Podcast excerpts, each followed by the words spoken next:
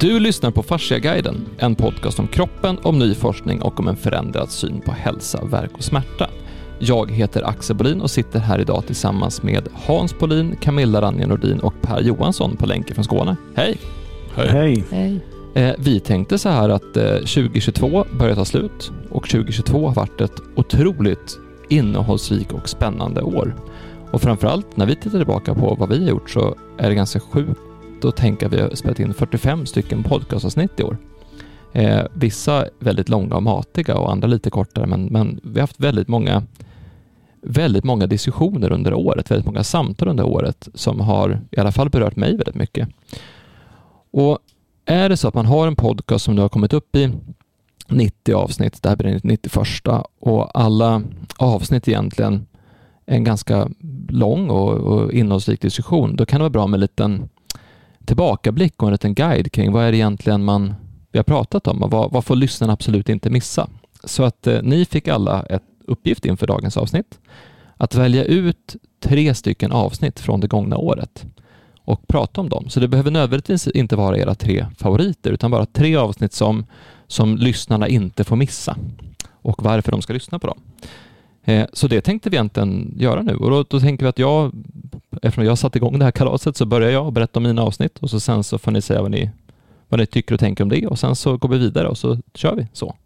Låter det som ett kul upplägg? Mm, säger ni. Eh, jag har valt ut tre avsnitt och då har jag valt avsnitt nummer 47 som heter Beröring och vad som händer med den fysiska kroppen i en allt mer digital värld. Och så har jag valt ut nummer 75 som heter eh, Vad innebär att lyssna på kroppen? och nummer 89. Nej, nummer 87. Varför tror vi att vi är döda? Och varför jag valt de här är för att jag tycker att de alla tre belyser tre olika aspekter av våra samhällsproblem kopplade till kroppen.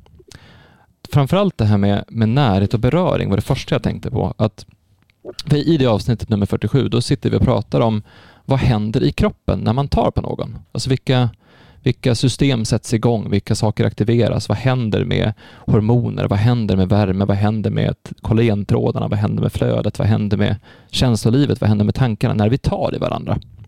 Eh, vi pratar om hur viktigt det är att, att man är runt omkring andra människor, att man ses fysiskt. Vi pratade om hur viktigt det är att, att kramas, hur viktigt det är att vara ute och leka tillsammans som barn. Och det här är någonting som börjar försvinna eller förändras i samhället. Det här var ju också precis i slutet av eh, den här värsta eh, restriktionshärvan egentligen som var då. Och då var det ju att man skulle nästan inte träffa någon och man skulle vara helt isolerad och man skulle vara hemma. Så det var ju också ett samtal om vad isolering gör med människor. Och det här var ju en tid där, där det här med digitala möten hade blivit standard så att folk var som förvånade över att de träffade andra människor och så bara som att oj, hej, alltså det var som konstigt nästan att ses fysiskt.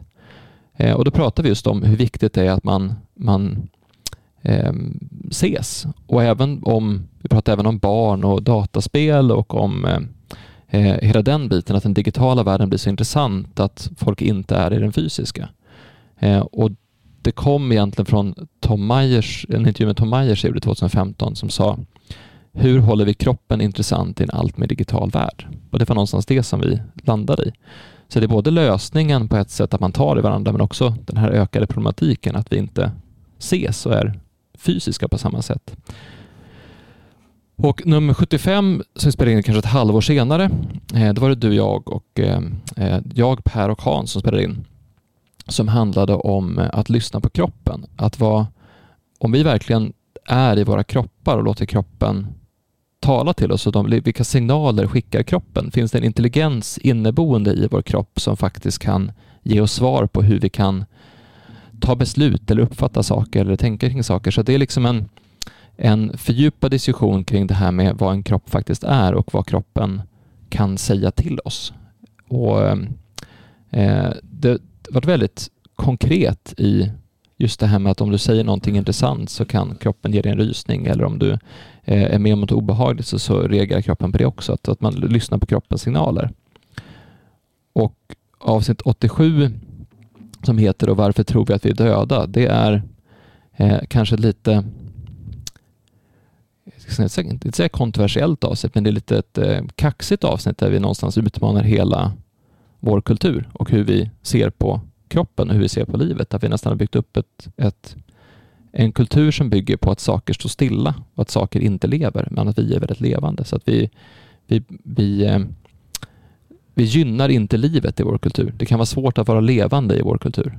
Ehm, och det kan vara en förklaring till att vi har så svårt att, att hänga med allt det där andra. Så det var mina tre avsnitt. Ehm, vill ni säga något om dem eller vill ni gå vidare på nästa? Mm-hmm. Jag vet inte, jag tror att det som är det, alla de här, ända sedan vi började, alltså inte de här sista som vi gjort nu, men så har vi försökt att prata om paradigm och perspektiv, alltså hur saker är annorlunda. Eh, och sen kan man Sen kan man ju ta exempel på det som, är, som vi har gjort då. Som du säkert kommer att ta upp. Eh, om till exempel om vatten eller om, om elektricitet eller om, om laddningar som du tar upp vad vi är med om. Det som är intressant som vi, som vi egentligen alltid haft, som man alltid tar upp det är varför har vi separerat så mycket?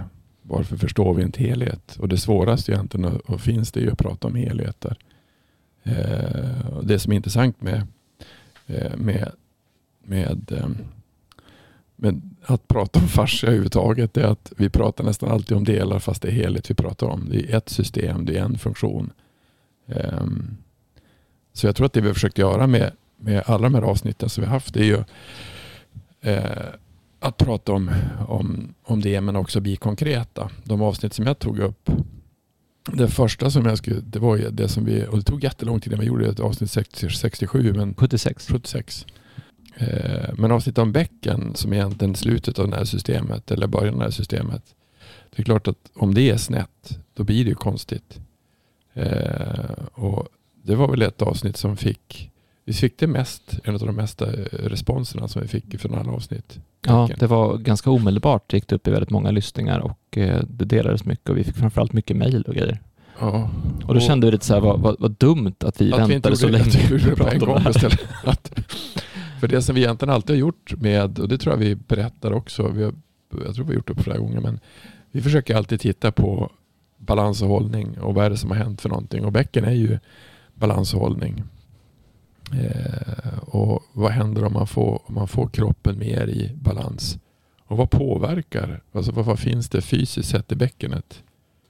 Det finns ju genitalier där, det finns tarmar där, det finns eh, ja, urinblåsa. urinblåsa det hur finns. mycket ligament och muskulatur, små muskler som helst. Så, så det gör ju att det, alltså när man förstår, alltså det är därför man, som vi gjorde filmen också, så också ett avsnitt som jag också tyckte var intressant att köra fast det är väldigt kort.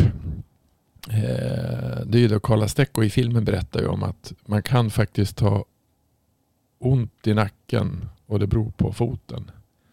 Ehm, och då förstår man då att hur mycket saker som finns i bäcken och det är snett. Ehm, så förstår man att det, det, har mycket betydelse. Det kan ha mycket betydelse. Du har ju varit med om att få bäcken justerat. Visst vart det annorlunda? Ja, ja absolut. Ja, men alltså, är bäckenet snett så blir ju obalans i hela det följer med alla andra leder. Och det blir ett, trycket blir mer på vissa ställen och mindre på andra ställen. Och det, det är klart att det, det spelar roll. Det påverkar hela flödet i kroppen. Det, det, men det är ju så självklart. Så det går. Fast det tog jättelångt innan vi gick upp det. Innan vi tog upp det. när vi tog upp det, som är, det är ett väldigt konkret exempel på helhet, så var det många som tyckte att det var jätteintressant. Det, det roliga är faktiskt att när folk hör av sig, vilket händer väldigt ofta nu för tiden, och frågar men jag har det här problemet, kan jag få hjälp av behandling? Eh, då säger jag alltid så här, vet du vad, lyssna på avsnitt 76, 78, 84 och kanske 49. Fyra timmar, så då, då, får, fyra timmar. fyra timmar då får, men då får du grundförklaringen till hur kroppen faktiskt fungerar, ser ut och vad man kan göra åt en, en strukturell obalans. För att vi, i 76 tar vi just upp det grund. Och det är intressant att jag nu skickar folk till avsnitt 76. Om du ska börja med någonting, börja med avsnitt 76. Nej, men sen, sen, sen, så det som är egentligen, det som jag tycker är mest intressant är ju eh, paradigm och helhet och perspektiv. Eh, och de har vi haft några sådana här Eh, var det därför du valde avsnitt 70 då eller? Ja exakt. Eh, och det finns ett, det finns ett, är det livepodden det? Nej, 70 är den här eh, Fascia, en ny människosyn och ett nytt paradigmskifte. Det, det var, ju vi, var vi, vi fyra som spelade in. Det var egentligen sammanfattningen av hela vårens upptäckter. Just det. Eh, och det, det, det, det, det är det vi alltid slutar på. Det som är intressant när man gör det, det är att att oftast när jag försöker berätta saker och ting som är upplevelser som man har varit med om, som låter konstiga. Och det, och det är väl att, eh, alltså exempel på någon som har blivit av med smärta, någon som har blivit av med ja, olika, olika exempel som jag brukar ta upp i de här poddarna. Så en del låter ju jätteflummigt. Eh, men, men det är ju inte det. Och det är ju det som är, vi hade som det kortaste avsnittet, som är ganska kort, det var ju efter sista filmvisningen som handlade om avsnitt Alltså 88. 88. Där Per eh, sa att kroppen, det är där vi, det är där vi äger rum. Det är mm. klart att var ska vi annars ha känslan någonstans om vi inte har dem i kroppen? Och det är klart att vi berörs av det. Bara det att vi tror ju att det är det som är så intressant. Varför är det eh, varför förstår vi inte helhet? Varför förstår vi inte att vi mår inte bra om vi inte mår bra? om, vi, om, vi, om vi är ledsna mår vi dåligt. Eh, och varför, varför förringar vi oss själva? Och, och ser man då kroppen mer som ett, en helhet och, och alltihop och det är massa celler som, som föds och dör och föds och dör. Det är klart att det är tråkigt om den med myrstacken av cellen inte förstår att de, är, att de sitter ihop allihopa. Utan vi, vi frikopplar det. Att vi säger att så är det inte. Mm. Så jag tycker att det som, det som är intressant med helhet och perspektivparadigm det är att det kan vara ett som jag brukar säga, det är, det är ett anatomiskt sätt att förstå kroppen på ett annat sätt. Alltså det är, jag tror att det är som, som Neil T sa att när han var leverpatolog, när han såg att, att flödet genom levern det får, det får i hela kroppen. Då, då förstår han det är det som inte det som inte som vi trodde att det var. Och då blir ju näring, eh, rörelse, eh, flöde, information eh, allt är med om. Då blir det mycket mer intressant. Och då förstår man också kanske att, att eh, det finns ju någon som säger att någon bok som heter The Body Keeps the Score. Att det är kroppen som håller reda på allting. Och då är det ju, ja då blir det spännande. Ja, men det är ganska kul för du har faktiskt en, en ganska intressant röd tråd genom dina tre val här. Såklart. Eh, men för det som är intressant med bäcken, för det är någonting som inte heller är 100% erkänt överallt, att bäckenet kan vara snett och man kan fixa till det. Men det är en otroligt enkel lösning och framförallt så har vi, vi måste vara uppe i 10 000 bäcken nu alltså genom åren, eller mer. Ja, mer. Så vi har ju, vi har ju balanserat bäcken i, i 12 år ja. och fått kroppen att bli bra efter det och sett resultaten i det. Det är en, det är en grundläggande erfarenhetsmässig grund att vi har sett det här hända. Och det roliga med avsnitt 70 är att det handlar om de här forskarna som ser att det de upptäcker, det de ser med sina ögon, det de tar på, det de mäter stämmer inte överens med de teorier som finns. Mm. Och då blir det en, en, en, det blir omvälvande, det blir en, de skakas om av det här. Och det gör att man ser saker. Och det roliga med avsnitt 88, som faktiskt är ett av mina favoritavsnitt, det var att vi hade väldigt ont om tid när vi spelade in det, för tydligen fanns det en deadline på, på lokalen som vi satt i. Så vi var tvungna att vara väldigt korta och koncisa. Men där pratar vi egentligen om, det blir som oomkullrunkeligt att tankar, känslor, kroppen, mm. erfarenheter sitter ihop. Det finns ingen uppdelning här, utan det här sitter ihop. Vad som händer mig, vad jag tänker på, hur jag upplever saker, det får en direkt konsekvens på min kropp. Och det hinner vi säga på, på 30 minuter i ett väldigt väldigt metodiskt och konkret sätt. Så att det nästan blir, och som du sa Per, att det blir nästan lite dumt hur, hur eh, självklart det blir. Man känner sig nästan lite fånig när man säger hur, hur det här hänger ihop. Men samtidigt så tar vi upp att, att det här som är så självklart tar man inte hänsyn till när man bedriver forskning på hur kroppen fungerar. Det man får tillbaka på det egentligen det är ju att, som är bäcken, är att eh, eftersom vi har så mycket kvinnor som kommer som har varit, haft problem med efter, efter förlossning. Att man inte, det är inte rocket science att, att, att, att barnet kommer ut i en rotation. Och, och den rotationen måste ju stanna någonstans. Den måste ju fara någonstans och den far i kroppen. Precis på samma sätt som att om vi faller och slår oss, var ska stötarna falla någonstans? Ja, men det är klart de faller i kroppen. De far i kroppen. Var ska de annars vara någonstans? Och det, det, det luriga är att vi, har, att, att, vi, att vi är nästan... Det är jättemånga som kommer och säger att jag har olika långa ben. Nej, det, de flesta har inte olika långa ben. Det skulle ju vara konstigt. Några kanske har viss benlängdsskillnad men det är ju väldigt lite i sådana fall. Men, det, men bäckenet kan vara snett. Och då får du problem med knän och fötter och en massa andra saker. Och det är intressant att man inte ser det så fysiskt. Mm. Var det jag då? Mm. Ja, om ingen har något att säga om Hans nu, om vi vill ta det sen, så, så kan vi gå vidare på Camillas avsnitt. Vad säger du Per? Ja, nej, men jag, eh, de avsnitt jag tänkte nämna, nämna fylleri eh, vad både du och Hans har sagt hittills. Så att eh, eh vi tar det Som... längre fram. Längre fram, ja precis. Mm. Så Camilla, du har valt ut tre avsnitt också. Ja. Vilket vill du börja med? Eh, ja, nu kommer jag inte ihåg ordningen på de här. Men 52 va? Jajamän. Mitokondriell dysfunktion. Mitokondri och nya trender inom läkarvetenskap. Ja, precis. Och, men, och det är ju för att Alltså det, det är ju precis det där vi pratar om. Det är, man ser ju till helheten.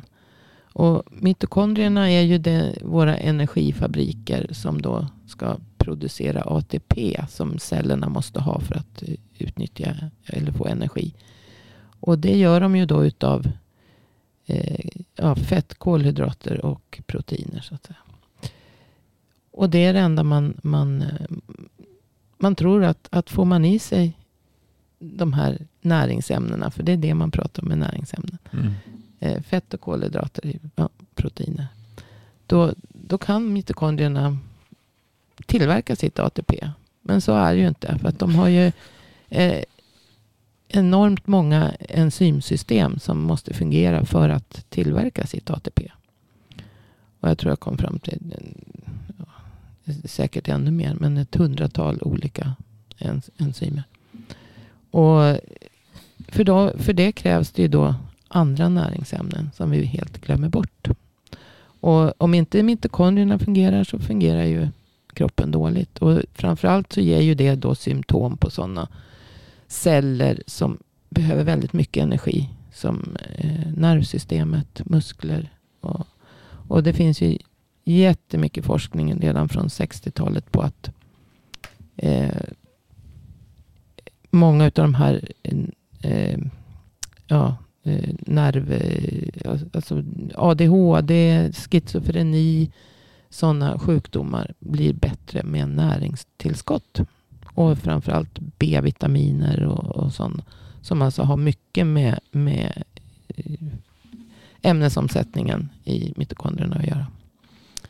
Du nämnde också många, många läkare som just har testat, alltså som har grottat ner sig ja. i det här och börjat testa att se vad händer om vi, om vi ser till att energiproduktionen fungerar mm. bättre. Mm. Och att mm. bara genom att fokusera på just hur får vi mer energi mm. i kroppen, då har många problem som man inte har kunnat lösa lösts. Ja, och istället så får man ett läkemedel som i sin tur förstör mitokondriernas funktion. Så att, och det var väl inte så länge sedan vi pratade om också om att cancer och eh, cancerceller de har väldigt eh, förkrympta mitokondrier. Mm.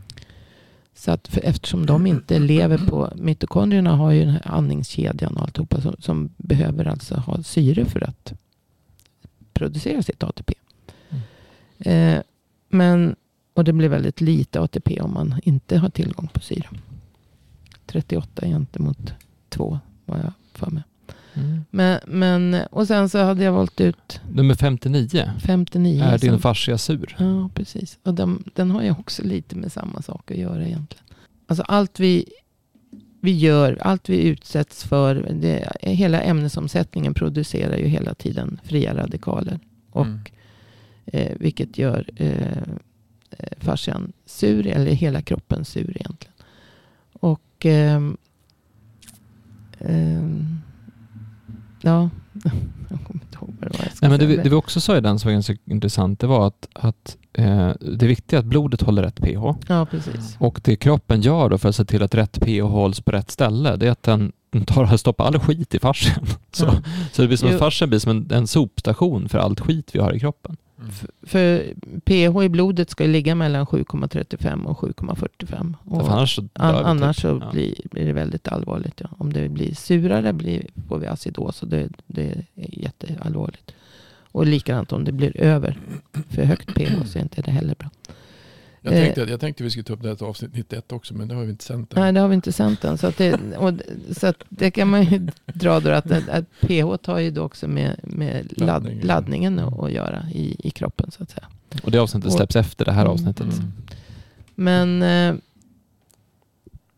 Ja, så, så, att, och då, då gömmer ju, för att hela tiden hålla blodet i balans. Vi, vi har njurarna som rensar ut eh, protoner, alltså väteprotoner som, som gör kroppen sur.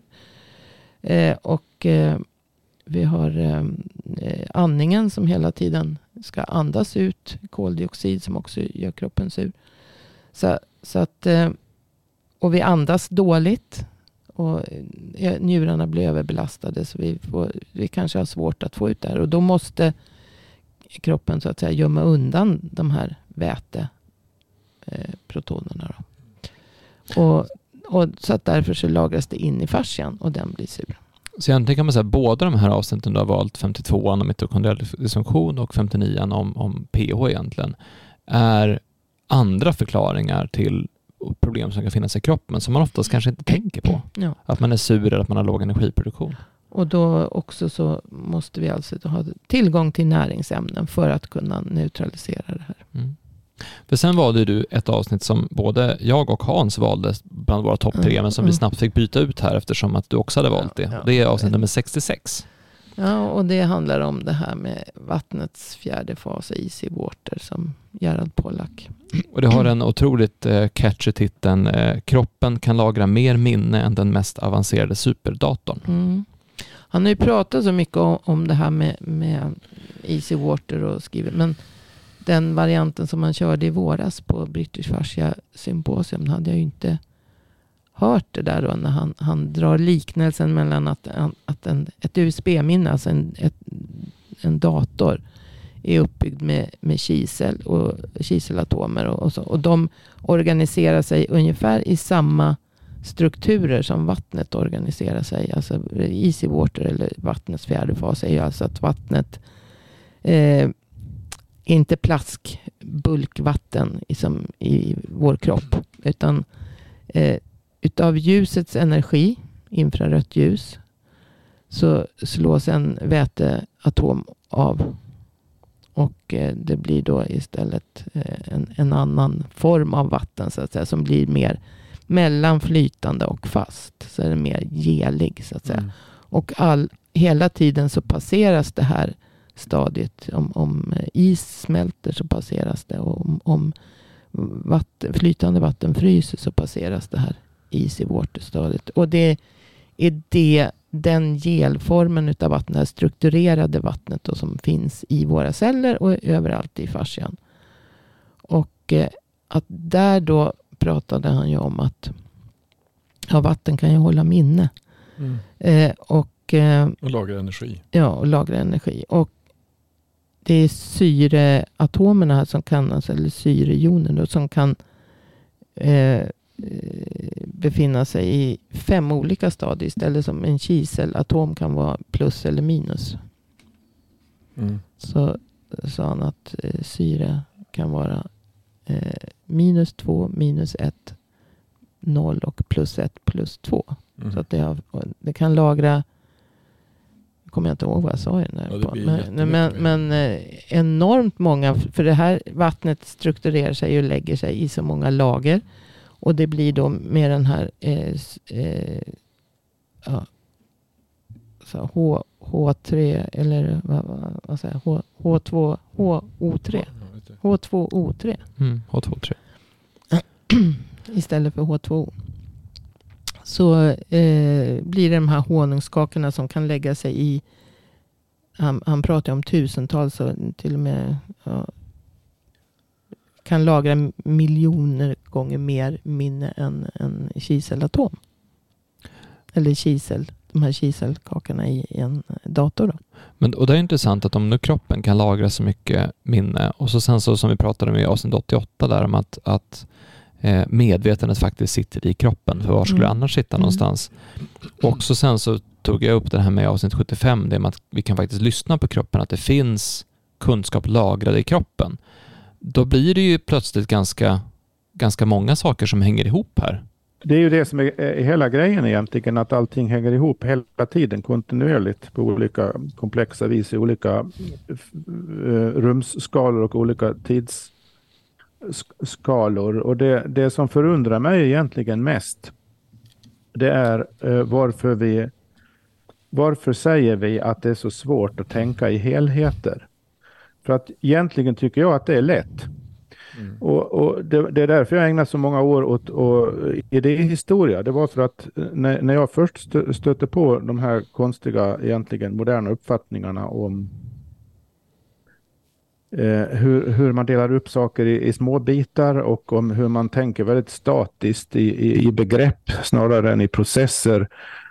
Då, då började jag fundera på 17, hur, hur kunde man hur hamnar vi där? Alltså som civilisation eller kultur, hur moderna kulturen, hur, hur hamnar vi där? Så, så mycket av det jag har studerat när det gäller idéhistoria har gått ut på att ta reda på vad, vad, hur, hur gick det där till? Jag kan inte säga att jag är färdig med det där, men de avsnitt jag har valt handlar, handlar egentligen allihopa om, om, om just det. Uh, ett av de senaste vi spelade in heter Hur erfarenheter sätter sig i kroppen.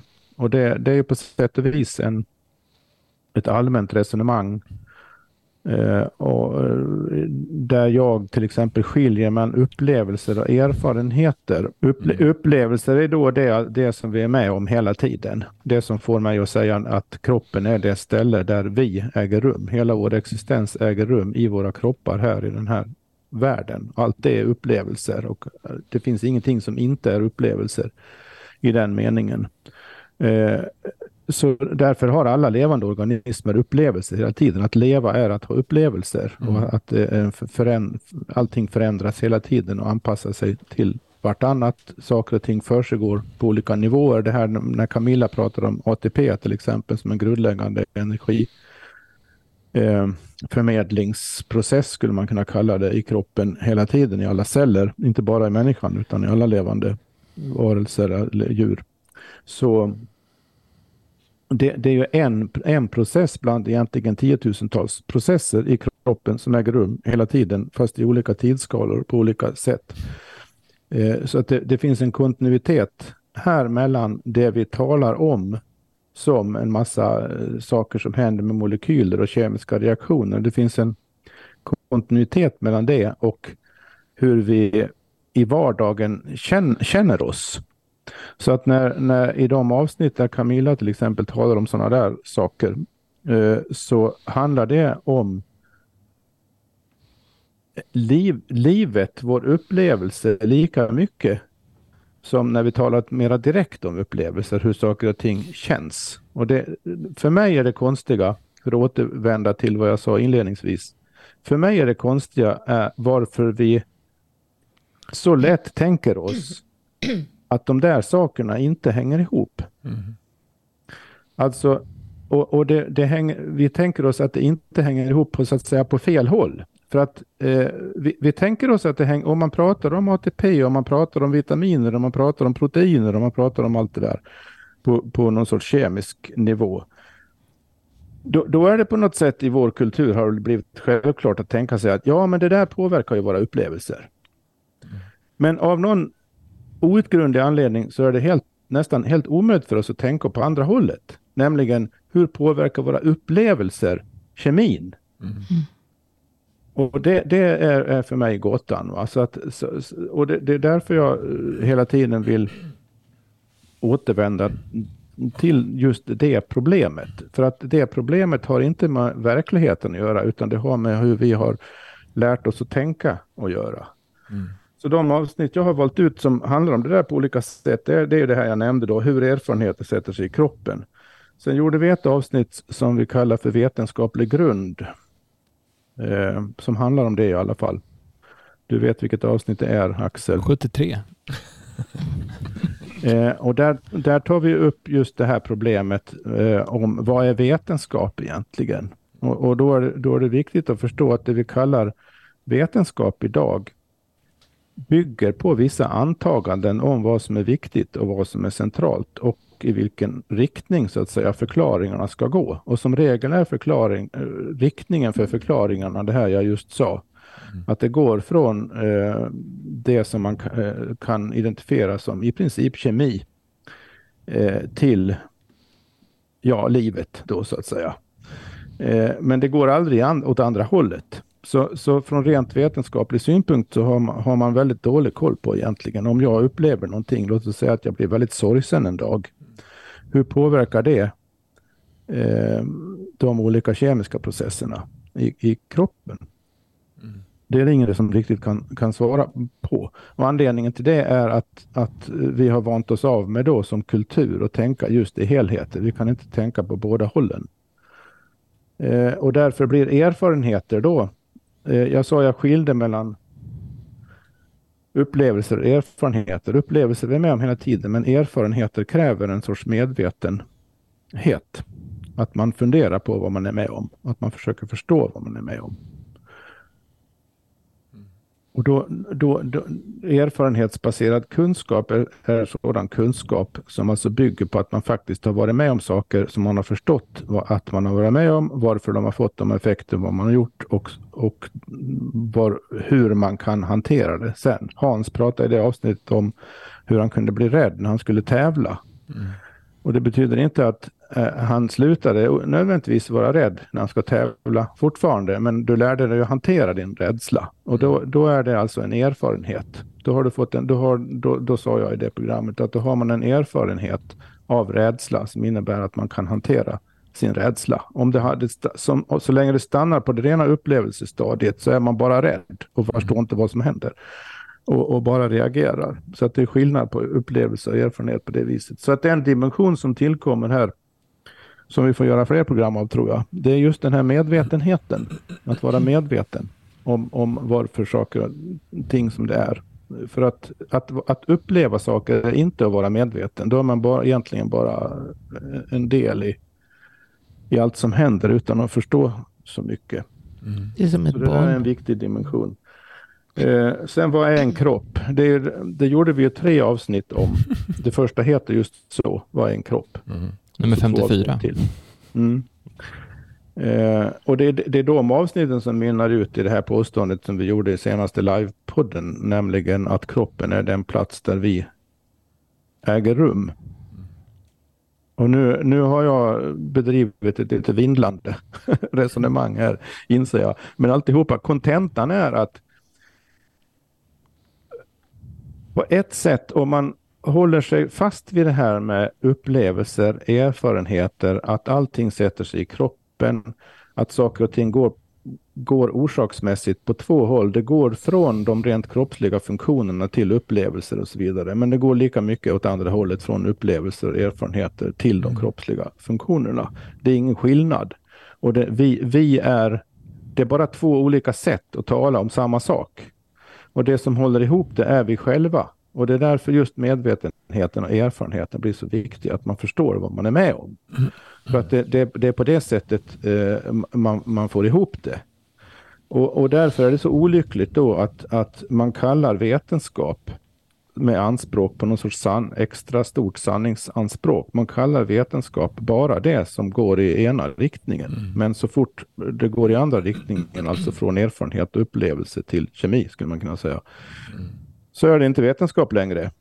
Eh, eh, så vad betyder det? Konsekvensen blir att vi underskattar hela tiden i vår kultur oss själva vår egen förmåga. Vår egen förmåga att förstå, vår egen förmåga att erfara, vår egen förmåga att bli medvetna, vår egen förmåga att hel, bidra till vårt eget helande och välmående och så vidare. Underskattas hela tiden. Vi tror hela tiden att det måste till någon sorts instrumentell lösning mm. på allting.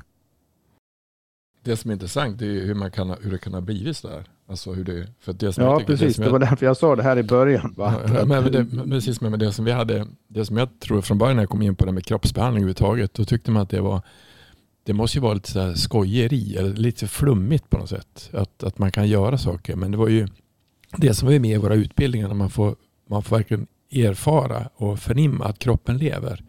Att den du behandlar lever. Den, alltså kroppen kan förändra tryck. Den kan göra saker, den kan, den kan komma ur någonting, komma in i någonting, gå in i ett problem, gå ur ett problem. Att den fysiskt sett lever.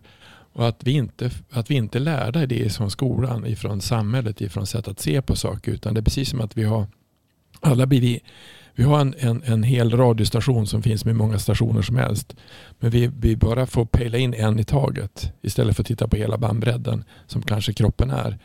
Och det tycker jag är helt fascinerande. att, att, att och det är vuxna människor som jag sa. Vi, det, det, jag är 61.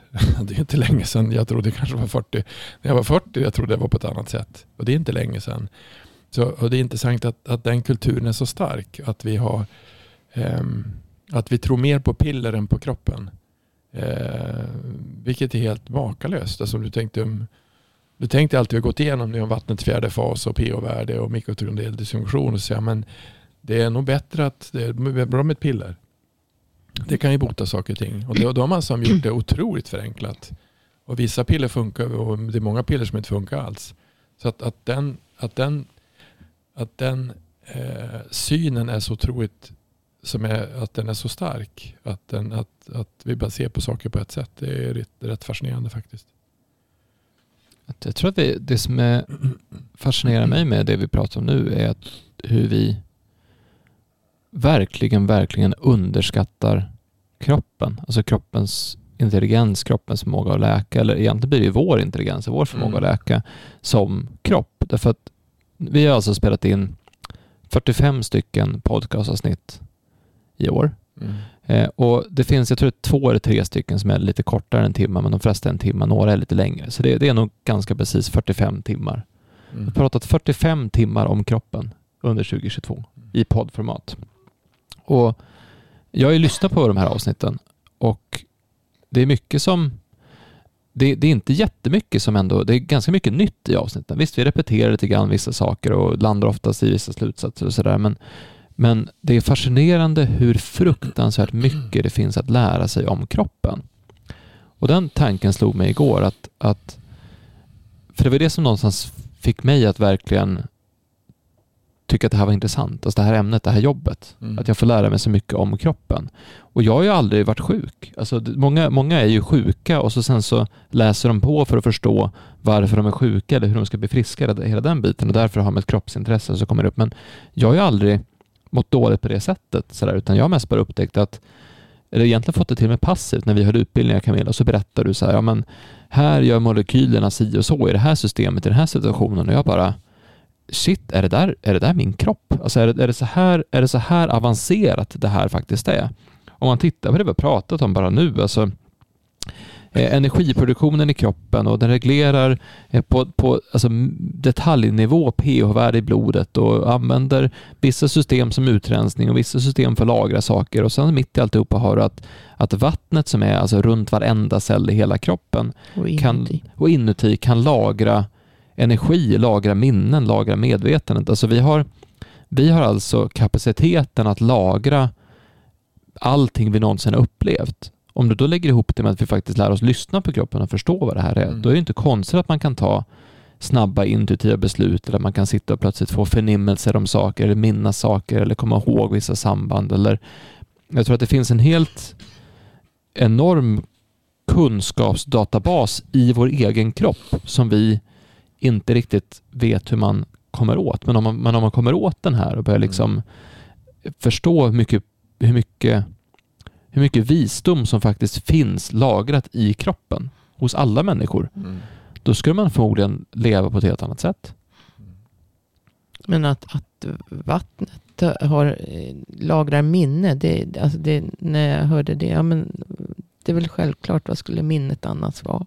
Ja. Alltså, vi är ju fulla med vatten. Mm. Men, men som sagt, nu kommer jag på att vi, vi, jag sa ju fel. Det är H3O2. Mm. Därför att vattnet är negativt, eh, alltså easy water, den här fjärde fasen, är en negativt laddad vatten.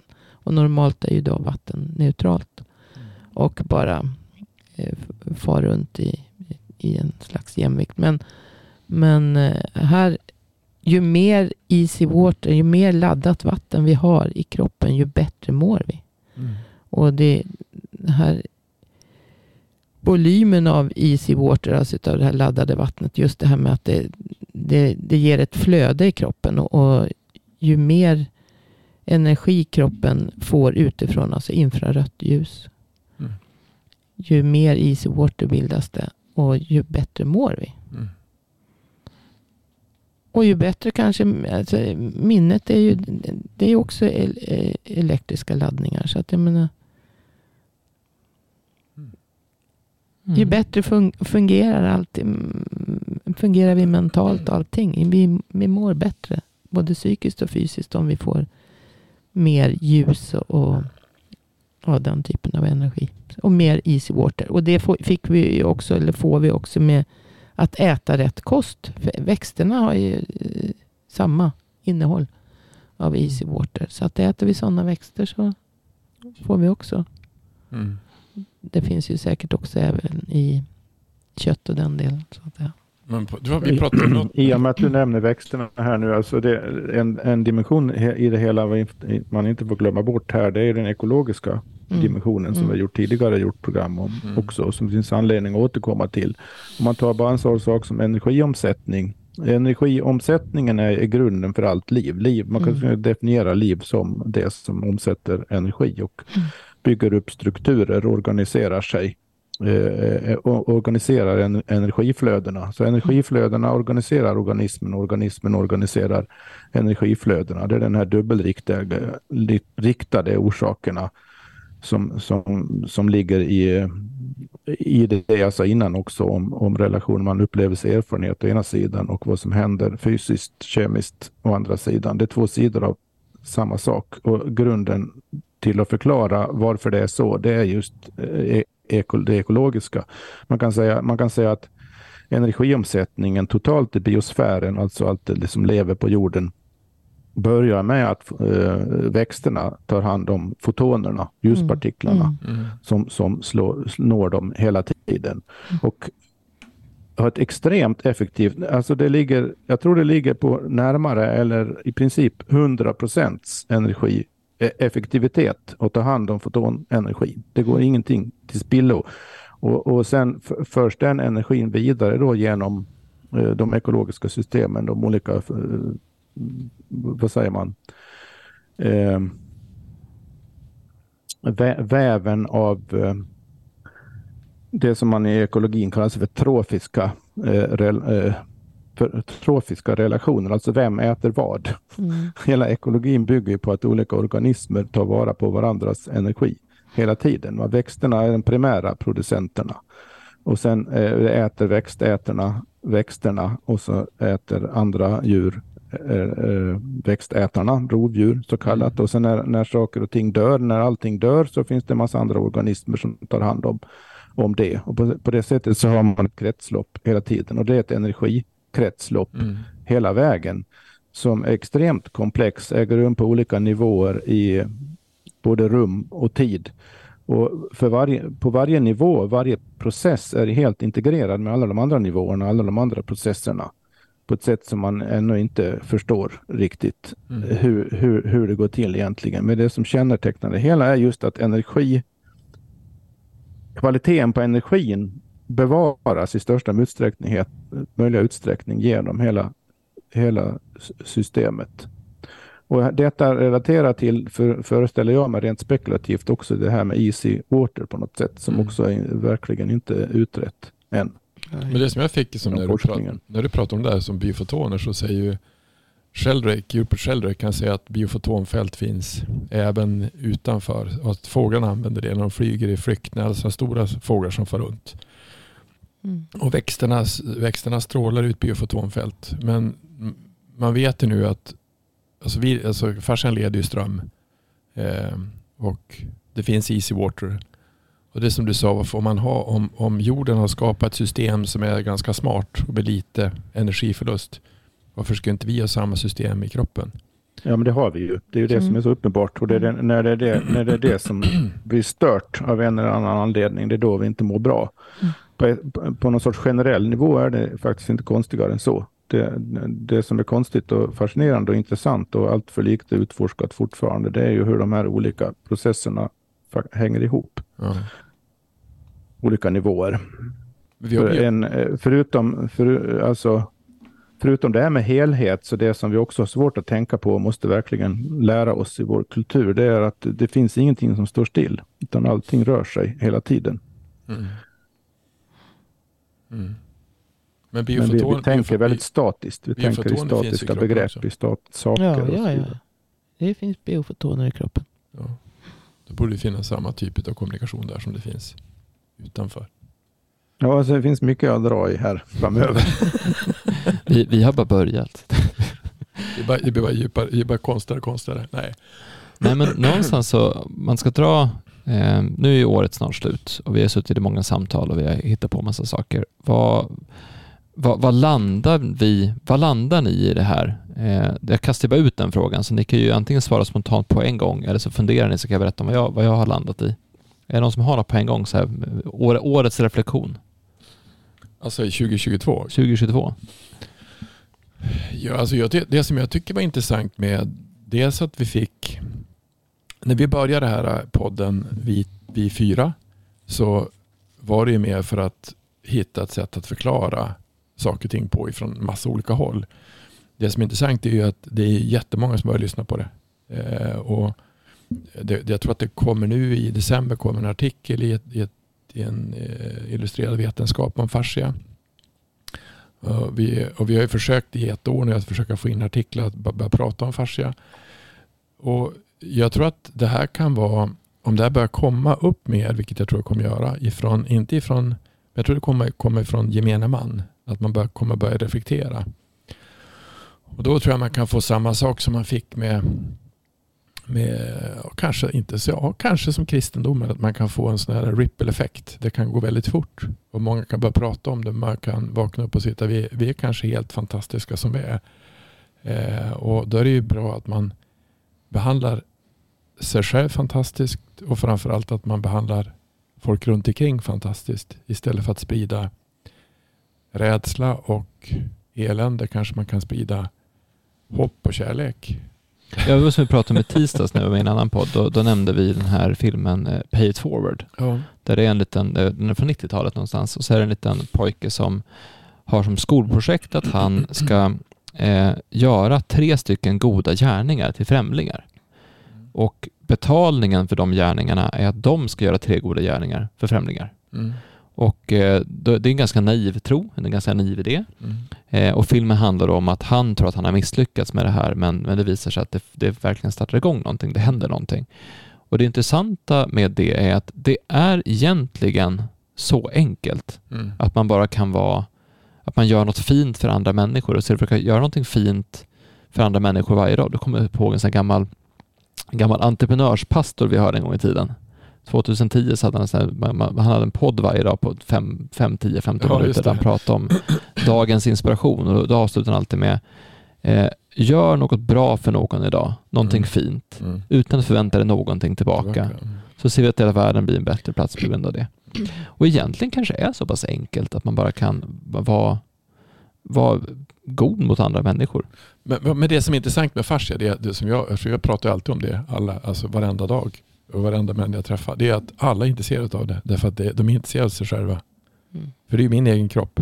Så att det, alla är intresserade av, jag tror vi sa det i något avsnitt att när har jag lärt mig någonting om mig själv? Alltså ifrån institutioner? Ingenstans. Det var ju i lumpen. Alltså hur funkar jag? Vad är, min, vad är mina bra sidor? Vad är mina dåliga sidor? Alltså, jag kommer hit till jorden och utan manual. Alltså, men hallå, var är manualen? Alltså, kan, kan jag få veta hur jag funkar egentligen? Och ingen gör det. Men därför är ju fascia intressant. För det fascia kan ge, det, det, är ett sätt att prata väldigt generellt om saker och ting, om helheter som, som de flesta är intresserade av. Faktiskt. Mm. Så jag tror att det kanske kan bli, det slår igenom. Vet du.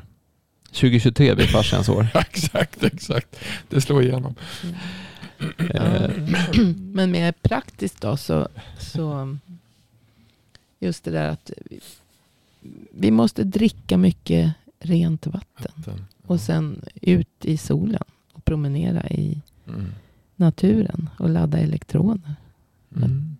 Och krama varandra. Mm. Det gör också infrarött. Det är viktigt att kramas. Mm. Mm. Men jag, min stora takeaway från det här året, det är alla diskussioner och samtal vi har haft om, om liv och de, om det levande. Och det är ju gått som en liten röd tråd i din andra podcast Per, Myter och mysterier, att man pratar om det levande.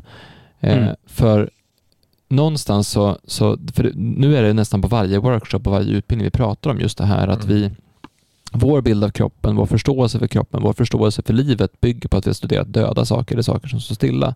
Men när man börjar prata om liv och det som lever och förstår livskraften, alltså kraften i att leva och vad det faktiskt gör med kroppen, vad det gör med flödet, vad det gör med pulsen, vad det gör med hjärtat, vad det gör med andningen, vad det gör med, med nervsystemet, vad det gör med eh, alltså elektron, alltså energin i kroppen, vad, hur den här påverkas av det levande och att göra, att göra och tänka saker som går mot det levande snarare än, än det döda. Att man har en situation, en tankebana. Är den här, går den här åt ett levande håll eller åt ett dött håll?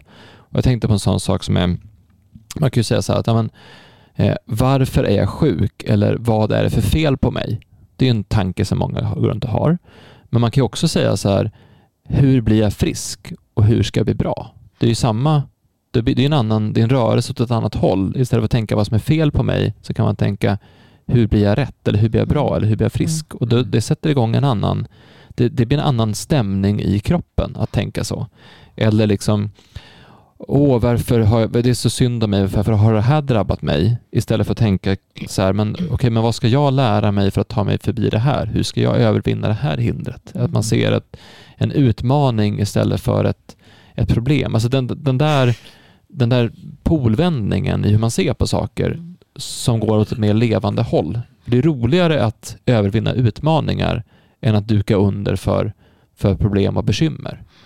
Mm. Eh, det är roligare att vara modig än att vara rädd. Och det där, jag tror att det där det har verkligen varit ett starkt tema egentligen under hela året, att fokusera på det som lever. Mm. Men det är just det, varför har jag drabbats av det här? Istället för att, alltså, vad har jag gjort mot mig själv som, som har lett till att jag mår på det här viset? Mm. Eller vad är det som har hänt mig som gör att jag mår på det här viset? Har jag, jag misskött mig på något sätt? Eller så har någonting drabbat mig? Men just att man förstår på något sätt varför kroppen, varför blir jag sjuk? Jo, det är för att kroppen på något sätt har blivit överbelastad. Ja, och då kan ju gå åt ett håll mot att göra det. Ja, Hur blir jag frisk? Ja, alltså den, den laddningen, den mm. energin att gå mot friskhet är mm. mycket, mycket mer, vad säger man, empowering. Alltså det är liksom, då, då har ju jag makt. Jag har ju makt att förändra saker. Mm. Man kanske kan strunta lite grann i hur det har varit på ett sätt och fokusera mer på vem man är, vad man gör och vad man ska. Mm. Ja, fast just det att du förstår vad, vad det är du har så att säga gjort, vad som har varit tokigt. Så att säga. Det, det kan ju få dig att, att förstå vad du ska göra mm. för att förbättra det. Mm. Vad säger du ja, jag, jag har ingen anledning att säga emot någonting av ni har sagt, det ni har sagt. Det som slår mig är väl att um, apropå just det vad ni har sagt eh, hittills, att eftersom vi lever i relationer allihopa också, eh, inte bara mänskliga relationer utan alla möjliga andra relationer också, men om vi tar de mänskliga relationerna i en kultur som vår då som har så att säga gått bort sig i vissa fundamentala avseenden tror jag man kan säga utan vidare, utan att överdriva till och med. Och som vi har pratat så mycket om. I en sån kultur så är man ju, om man börjar förstå saker lite annorlunda och lite bättre och lite mer adekvat, och riktar in sitt liv efter det, så som ni har gett exempel på nu, helt kort, så kommer man ju oundvikligen att stöta på andra människor då som man har relationer med som inte är där så att säga.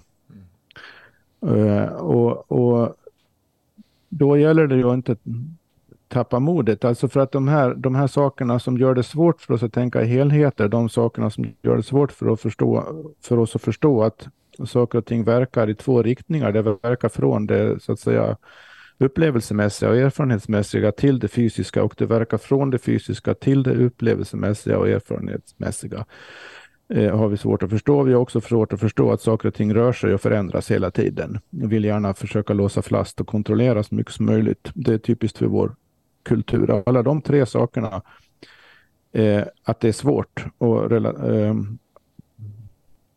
att vara där så att säga. Svårt att, att verkligen leva efter de insikterna.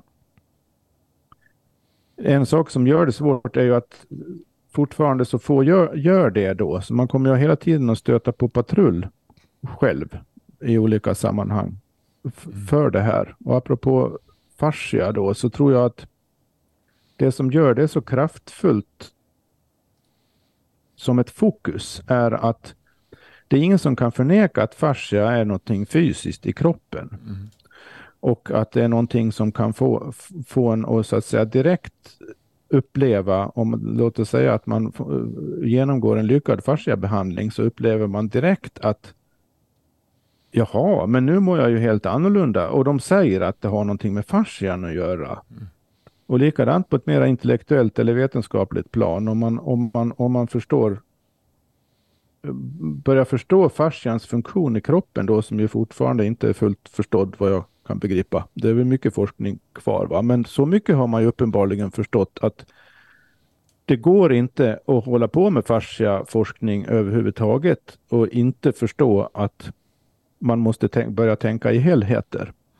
Så både från praktisk och teoretisk synpunkt så blir fascian i vår kultur väldigt central för att ingen kan förneka att den är fysisk. Och det som är fysiskt, det, det, det, det tar vi på allvar så att säga. Men ingen kan heller förneka att det har med helheter att göra. Och det har vi svårare att ta på allvar. Men fascian tvingar oss att ta det på allvar. Så fascian blir någon sorts eh, vändpunktsfokus i just vår kultur. Tänker jag mycket på. Jag tänkte det som... Det som För att det finns ju många andra anledningar och sätt att tänka på helheter och rör, rörelse och förändring och, och, och, allt det här. Man behöver ju inte tänka på fascia hela tiden när man mm. tänker på de sakerna. Det har man inte gjort i andra kulturer eller nödvändigtvis. Men, eller his, historiskt på olika sätt. Men för, för oss verkar det vara någon sorts nästan katalyserande effekt just att fokusera på fascia. Och det, det, det, det, det tycker jag är fascinerande faktiskt. Och, och bra. Mm. Fascian kan väl ge förklaringar på mycket så att säga. Varför det fungerar. Ja, just eftersom det är uppenbarligen vad, vad, vad, jag vet att vi har sagt i flera program, att det är liksom kroppens helhetsorgan. Det är fascian mm. som mm. på ett sätt tillsammans med nervsystemet håller reda på kroppen som helhet. Mm. Eh, mer än andra organ. Det är fascian som förklarar varför levern är relevant för hjärtat och varför fötterna är relevant för nacken och så vidare. Det, det är fascian som hjälper till att förklara det rent rent fysiskt. Så mm. därför blir ju den central. Och därför tror jag att det som är intressant utifrån det perspektivet som vi pratar om helhet, då kan man ju förstå saker som är mer filosofiska. Alltså vi säger att om, om vi hela tiden lever, hela tiden i rörelse, så ska vi inte gå och, och eh, haka upp oss på det som har varit. Det, alltså det, vi, vi, vi, är ju alltid på, vi är alltid, vi är aldrig framåt, vi är aldrig bakåt, vi är alltid nu. Det blir ju en sån sak som eh, en, en aftonbön att försöka att om, om, om kroppen är allt som vi är i, då ska vi inte vara arg på det som är i kroppen. Det är bra att, ge, att be om för, förlåtelse. Jag, förlåt, jag förlåter mig själv, jag förlåter alla andra som jag, inte, som jag, som jag blivit arg på. Därför de är ju i mig. Det som är intressant, jag har ju varit med om det en gång, att, att fick en behandling en gång. När jag hamnade i en energi som jag tror jag berättade något som jag var sju år gammal. Och hittade tillbaka till den grundenergi jag hade då. Och det häftiga det var att jag hade, jag har alla hört att jag harklade mig ganska mycket. Jag, harklade mig, jag hade ingen harkling på två dagar tror jag. Och hela jag var helt rak och helt full av energi på ett annat sätt. Eh, och det, jag tror att, att med att, att förlåta hela kroppen och hamna i på ett annat sätt. Det låter, alltså, vattenmässigt blir det så. Då har du en annan laddning i kroppen. Mm.